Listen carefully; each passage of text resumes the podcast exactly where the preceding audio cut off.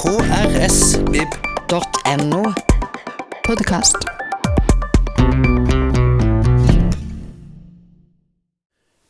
Velkommen igjen til klassikerklubb her på Kunsten og litteraturens hus. Ehm, I dag så er det da klassikerklubb med en virkelig, virkelig klassiker. Eh, Shakespeare, en av de aller største. En av de aller største. Eh, og det er ikke et hvilket som helst stykke heller, det er kanskje muligens hans mest kjente, Hamlet. Ja, vi var så heldige at vi har fått Øyvind Berg, poet, eh, teater, eh, skuespiller, eh, oversetter. Ja. Multitalent. Han er et multitalent. Eh, han har oversatt Hamlet eh, til norsk. Det er jo gjort mange oversettelser av Hamlet. Mm. Men vi er så heldige at vi har fått lese Øyvinds egen oversettelse, og fått han til å holde innledninga til Klassikerklubben denne gangen. Kult. Det blir spennende å høre. Veldig spennende å høre. Det som var litt kjedelig, var at det var en svær konsert på Torvet i Kristiansand under hele Klassikerklubben, så opptaket vårt bærer litt preg av det. Men ellers er det ganske gøy å høre på. Alle veit jo hva Hamlet handler om. Alle har alltid visst hva Hamlet handler om. Det er et inntrykk vi har, ikke sant? Men på den annen side så eh, Hva er det egentlig det handler om, da? Eh, det handler om en eh, prins som ikke, er, som ikke blir konge. Det handler om hevn. Det handler om noe som han skulle ha gjort, men som han ifølge en vanlig oppfatning i dag pga. en viss handlingslammelse aldri får utført. Men så hvis vi går til tolkningshistorien av Hamlet eh, Det viser seg jo at Hamlet var fra første stund et utrolig eh, populært drama. Det ble spilt mye. Det ble gjenbrukt rester fra Hamlet i andre skuespill allerede på 1610-tallet, 1620-tallet. Så i oppføringer av eh, greske dramaer f.eks. så ble det putta inn uh, uh, scener fra spøkelset i Hamlet osv. Og i løpet av de første 200 åra så var det aldri noen som egentlig reagerte på dette, at det tok lang tid før denne hevnen fant sted. Det, det var eh, ingen som så på Hamlet som en lamma person. Eh, man så på Hamlet som en fyr som hevna drapet på far sin. Og det tok litt tid, men det er jo sånn på teater at det ofte tar litt tid. ikke sant? Eh, altså, eh, så denne moderne Hamleten, han oppstår egentlig i Tyskland i overgangen mellom tysk klassisisme og romantikken. Og der eh, oppstår da denne figuren altså, ja, Innledningsmessig så er det en ting til jeg vil si. Når jeg sier tysk klassisisme, så var det et veldig sånn regelbundet uh, teater. ikke sant? Med, med, franske idealer om at det skulle være enhet, tid, sted og alt mulig sånt. Som Voltaire skrev jo at uh, Hamlet måtte være skrevet av en full gal mann. og alle som kjenner, det som kjenner dette skuespillet her, vet jo at det bryter jo mot klassisismens regler. Da jeg var yngre, så tenkte jeg at de reglene er jo helt latterlige. Uh, så det er Hamlet som er normen, liksom. For det er det som er et bra drama, ikke sant? Altså, her går det an å følge personen og Men hvis vi trekker oss litt tilbake og ser hvordan dette er bygd opp så må vi jo innrømme at uh, dramaturgien i det verket her er jo helt håpløst. Uh, altså, uh, han ville sannsynligvis aldri sluppet gjennom dramalinja på Altså forfatterlinja på et skrivekurs med en sånn dramaturgi som dette her. og så For visse regler må man ha for karakteroppbygging og for intrige, hvordan det skal utspille seg videre. ikke sant? og da jeg oversatte denne her, så valgte jeg å følge, følge Heine Müllers tyske med å gi faen i uh, inndelingen, den tradisjonelle inndelingen i akter. Uh, altså fem akter delt i så og så mange scener. Jeg har en liten oversikt her bak. Jeg har da fulgt sceneinndelingene, som jo også er tilfeldige. Jeg har også valgt å følge folioutgaven fra 1623, ikke kvartoutgaven fra 1604 eller noe sånt, som den var. Eh, så her finnes det en sånn oversikt over eh, de forskjellige numrene på scenene, men det er ofte tilfeldig. Eh, og det er fra slutten av 1600-tallet en gang at man begynte å sette opp disse sceneaktinndelingene som eh, har vært tradisjonelle. Da. Eh, men hvis vi ser på stykket som dramaturgisk verk, så er det ganske tydelig en sånn kurve, ikke sant? Eller en sånn kurve. For man beveger seg fra en begynnelse mot en midte, som er skuespillet i dramaet som er nesten nøyaktig i midten. Og som vel er årsaken til at vi kan se på dette som Eller en av årsakene til at vi kan se på det som et uh, hypermoderne drama på mange måter. At det, det er skuespillet som er kjernen her. Men det som skjer etter der, er egentlig bare en utsettelse som er dårlig løst dramaturgisk sett av den endelige uh, løsninga. Uh, for uh, Claudius har jo under skuespillet på litt mirakuløst vis avslørt seg som morder. ikke sant? Og eh, Derfra så tar det altså i denne 200-siders utgaven som jeg har gjort, 100 eh, sider før det skjer. Og det Shakespeare blar opp med da, det er det vanlige eh, menasjeriet sitt med å eh, sende hovedpersonen på en sjøreise, og så er det pirater, sjørøvere og sånt. ikke sant? Og det er sånn eh, eh, Hvorfor trenger han egentlig det? Jeg skal komme litt tilbake til også hva som skjer akkurat mot midten der, som er kjernepunktet. For grunnen til at dette allikevel, til tross for den håpløse oppbygginga, er et stort drama, det er jo det at det er så verbalt tilstedeværende og så jævla friskt. Og det, er, det har en uh, karakterbygning som, eh, som er helt ny. Men hvordan bygger man et, en karakter i et drama? Det gjør man ved skuespill, ikke sant? Og eh, det som jo er karakteristisk her i forhold til mange andre tidligere dramaer, i mitt syn, er at her er skuespillene problematisert helt fra første ikke fra første scene, for første scene foregår på Skansen eh, med disse vaktene som så ser gjenferd og sånt, og som så skal varsle Hamlet om at eh, det, det, er, det, er, en fyr som ligner på faren hans, som eh, befinner seg her om natta. Så kanskje han har noe å si til deg. ikke sant? Men så kommer andre scener med kongen osv. Eh, altså Claudius, Hamlets onkel, som da har gifta seg med Gertrud. Det er uklart i dramaet hvorvidt han har klart å innta kongetronen før han gifta seg, eller eh, hvordan han har eh, røvet makten, er uklart. Men det som er helt klart fra første stund, er at Hamlet er melankolsk. Han er trist. Han syns at dette ekteskapet har innfunnet seg altfor tidlig. Eh, en måned, sier han her. To måneder, sier han litt seinere i stykket. Eh, har det gått mellom begravelsen til pappa og giftermålet med onkelen. Eh, så det er, om det er én måned eller to måneder, er uklart, men det er i hvert fall veldig kjapt.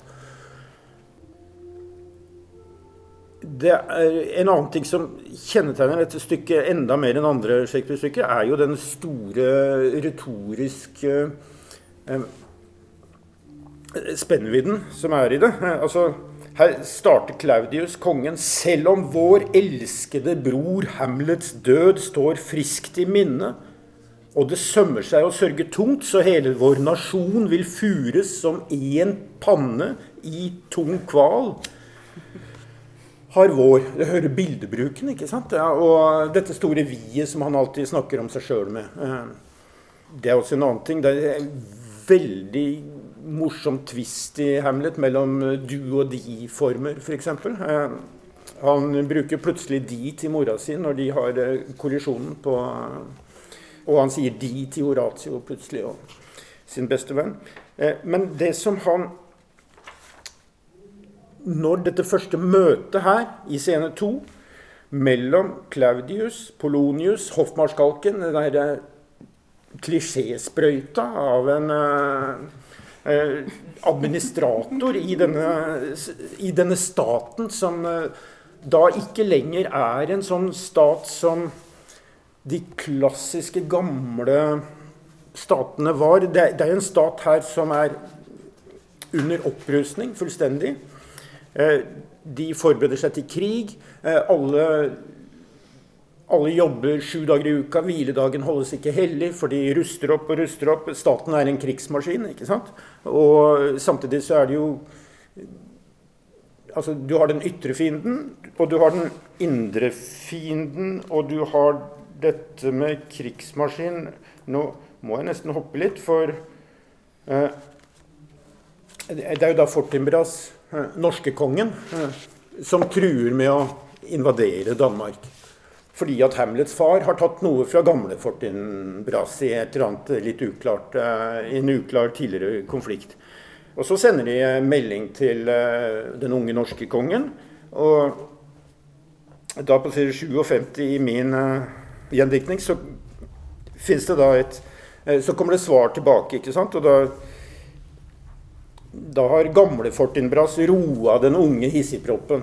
Da sier han at den gamle gledet seg, og Fortinbras vil få en årlig sum, 3000 kroner, samt fullmakt til at de mobiliserte soldatene får gå til krig mot Polen i stedet. For uh, altså, de har jo mobilisert uh, soldatene, så de må jo ut og slåss, ikke sant? Uh, men så det, det, er jo i dette store krigsmaskineriet at det går en melankolsk ung prins som kommer fra studier i Wittenberg, og det er uklart om han egentlig her til å begynne med, om han egentlig syns at det er jo han som burde vært konge. Altså, det, det bare svever et eller annet sted, for han er opptatt av eh, dette med mamma som ligger og spriker for onkel. Eh, eh, det er det han bryr seg om. Eh.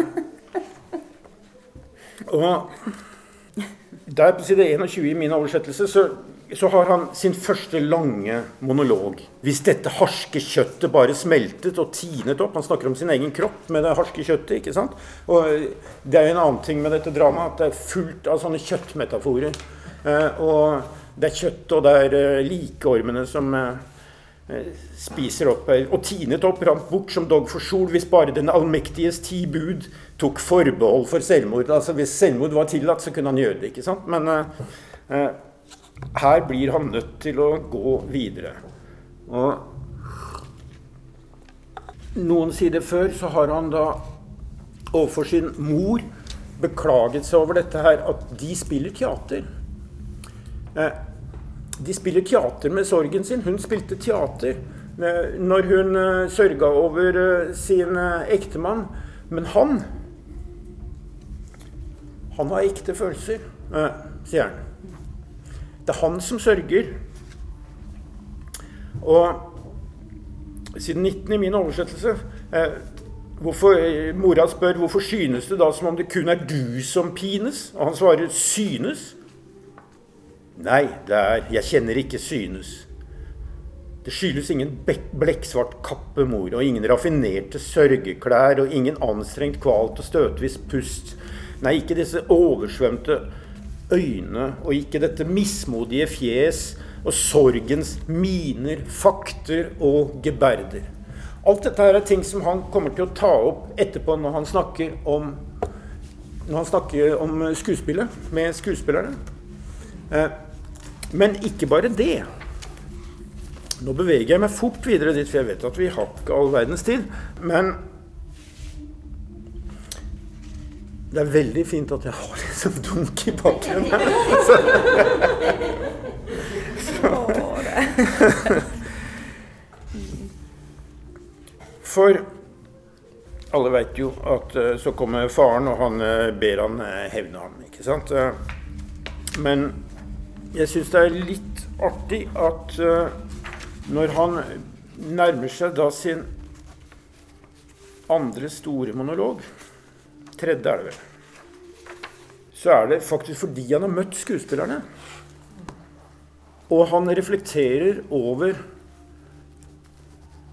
Nå skal jeg lese litt. Grotesk. Altså for Han har snakka med skuespilleren, med første skuespilleren. Grotesk at denne skuespilleren med en fiksjon, et drømmespinn om sorg, kan tvinge sjelen inn i rollen sånn at den gjør ansiktet til en grimase med tårevåte øyne, askegrått, så stemmen svikter. Kraft, mimikk, ja, alt blir ett med rollen. Alt for ingenting. Eh, ingenting. Det, det, er bare en historie han spinner, ikke sant? Betyr hun noe for ham? Nei, et navn. Hekuba. Nei, et navn han gråter over. Sett at han som jeg fikk stikkord og motiv for sorgen sin. Han ville druknet scenen med sin gråt, sprengt ørene på folk, med krasse ord, gjort skyldig gal og skremt uskyldig opp. Han ville gjort den uerfarne målløs. Her har gjort en endring fra trykken. Men, og lammet syn og hørsel. Her går jeg, en snile av en slyngel, koper rundt i drømmeland, lar ta tanken tværes ut og sier ingenting. Og så igjen Man må nesten peke på dette står på side 79 i min oversettelse. På side 83 på eh, slutten der så begynner den mest kjente monologen, som jeg har eh, oversatt første linje. Spørsmålet er å være eller ikke. Rett på hverandre så har du to sånne kjempemonologer. Eh, I et eh, stykke som Så her er det jo helt tydelig at eh, Shakespeare har eh, rett og slett skrevet ganske fritt. Han har latt sin lette penn løpe. Og håpet at ordvalg og følelser som ligger under, lidenskapen, alt sammen skal bære igjennom med denne egentlig ganske håpløse eh, kommunikasjonen eh, som ikke finner sted, for det er bare plutselig deklamasjonen ikke sant, fra hovedfiguren. På den annen side så er det da refleksjonene over dette ytre skuespillet som får han til å eh, snakke om å være eller ikke. Og det, det, fiksjon og fakta, fiksjon og virkelighet. Jeg tok med her Carl Schmidt. Han uh, har også skrevet en bok fra, om Hamlet, uh, som skriver at uh, dette er den siste og uoverstigbare grensen for fri dikterisk oppfinnelse. Jeg bare oversetter her nå, for det er på tysk. En dikter kan og skal finne opp mye forskjellig. Men virkelighetskjernen i en tragisk handling kan man ikke finne opp. Og så har han eh, noen egne teorier om hva som er virkelighetskjernen i Hamlet. Men jeg bare tenkte å minne om det fordi at eh, hvis, ikke, hvis det ikke var en virkelighetskjerne i fiksjonen, så hadde jo ingenting vært tragisk. ikke sant? Altså, Vi hadde jo ikke brydd oss om det. Eh, det hadde bare blitt opplevd som fiksjon. Og det er et sånt spenn i eh, all tragikk som eh, her Gjennom den her merkelige konstruksjonen av skuespill, ikke-skuespill, skuespill som man er negativ til, skuespill som eh, eh, plutselig framstår som et forbilde for hvordan få fram sannheten. Eh, dette spillet i spillet her eh, Det vokser og blir noe større. og det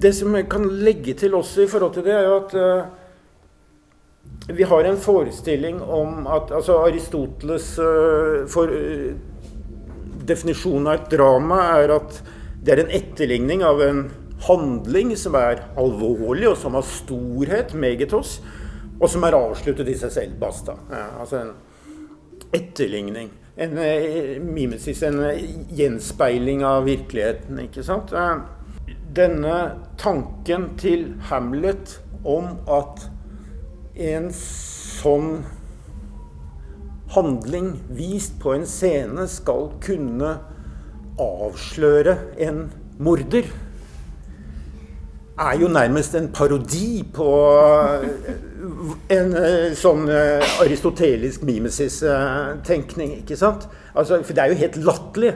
En morder er jo såpass råbarka at han avslører seg ikke fordi han ser en etterligning. Det, det, det er bare tull. Eh, så det vil jo aldri skje i virkeligheten. Men det skjer her i skuespillet, og vi godtar det på samme måte som vi godtar uh, spøkelser. ikke sant? Uh, og det er jo et veldig interessant uh, virkelighet, fiksjonsunivers, som man bygger opp helt fram til hit. da. det vokser og vokser på Og herfra så går ifølge den tyske oversetteren Schlegel, så går skuespillet, som jeg leste før i dag, faktisk, her i Agora, som har siste nummer eh, om Shakespeares filosofi, eh, så går skuespillet i stå i de siste aktene. August Wilhelm Schlegel han oversatte jo alle, tror jeg, Shakespeares eh, dramaer. Og han sier eh, til og med at det kan sies å gå baklengs eh, mot slutten. Mm. Det vi da får med Hamlet, er jo en uh, type, en, en, figur som er Som oppfatter uh, samfunnet rundt seg som løgnaktig, selvfølgelig. Som, uh, som, et sted hvor alle spiller roller, hvor alle spiller skuespill. Så bruker han disse skuespillene mot samfunnet selv. Og han framstår jo dermed i, det, i disse tidlige tyske romantikernes eh, altså Det er først Lessing og Herder, og så kommer eh, Schlegel-brødrene og Goethe osv. Og, så og Coleridge på engelsk. Eh, så oppfatter de han da som en moderne, melankolsk intellektuell. Det er der Hamlet begynner å bli den figuren vi kjenner, og som vi kjenner oss igjen i. Eh, som en som er fremmedgjort i sitt samfunn, som tviler litt på eh, om vi har rett i våre antakelser om eh, maktas spill med oss eller ikke. For han tviler jo underveis i stykket fram til skuespillet på om det kanskje er djevelen han har sett. ikke sant? Og, for djevelen kan ta mange former. Så Hamlet blir jo der den rotløse ungdommen eh, med tankekraft og eh, og en litt sånn eh, et kulturliv på autopilot i negativ forstand, som vi ser mye av også. I, for han spinner jo og grubler jo mye mer enn han kanskje har godt av. En annen ting er jo det at han nå har jeg ikke sagt noe om Ofelia, jeg har ikke sagt noe om kjærligheten. Eh, for eh, han spiller jo gal. Ofelia blir jo gæren. Eh, og det er fullt mulig å se Hamlet som en sånn moderne intellektuell, en kjølig intellektuell som, som trekker seg litt unna, og som ikke har helt kontakt med sitt eget følelsesliv fordi han er såpass uh, splitta som moderne subjekt. Og fordi han lever i en stat uh, der, som heller ikke gir noe kontakt mellom hjerte og hjerne lenger. ikke sant? Så Adorno har noen sånne tolkninger av ham. men min hovedtanke var i hvert fall dette her at denne blandinga av fiksjon og, og virkelighet her den uh, latterlige oppbygninga, den uh, verbale kraften, er stor. Uh, det er jo noe med spydigheten til Hamlet også som jeg kanskje kan ta altså, Det er noe med ordkraften hans, ikke sant? Altså, for Jeg vil på det sterkeste motsette meg det, den tanken også at Hamlet er en ikke er en handlekraftig person. Han er jo det. Med en gang han får beskjed om at han skal hevne eh, pappa, så sier han til sine venner at eh, eh nå må dere Eh, nå kommer jeg til å spille litt gæren framover. Altså, han har nettopp fått sitt livs største sjokk. Og så sier han at nå, nå vil jeg spille litt gæren, og så eh, Dere får ikke lov til å si noe som helst. Jeg sier ikke til dere hvorfor. Han har full uh, klarhet i tankegangen. Når Polonius gjemmer seg bak uh, teppet hos uh, mora, så trekker han jo blankt med en gang og dreper ham. så han er jo Og også i kampen mot Laertes Han hiver seg over Laertes på Ofilias eh, grav i den eh, nest siste scenen, gravescenen. Akkurat nå finner jeg det ikke, men eh, det jeg tenkte på, var rappkjeftaheten hans når han snakker om I møte med Claudius, når han snakker om at likmakken som går tiggerferden gjennom en konge osv. Altså, kongen kan gå Disse tingene som bare flopper rett ut av kjeften på ham. Eh, så han er jo også en fyr som eh, tar konfrontasjoner veldig hardt og tydelig og spydig. og Han er ikke noen innadvendt intellektuell eh, person i det hele tatt. Og han blir jo de, Disse tyske romantikerne tolker jo da stykket som et sted hvor man beveger seg dramaturgisk vekk fra handlingsgangen og over mot en beskrivelse av karakteren. ikke sant? At det er hans eh, karakter vi får glimt av. Og det har jo absolutt, absolutt noe ved seg. Men jeg har vel sikkert sagt nok nå, sånn innledningsvis. Ja.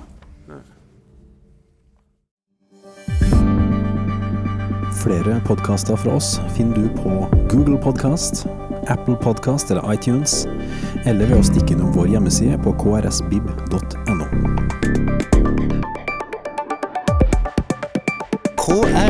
krsbib.no podkast.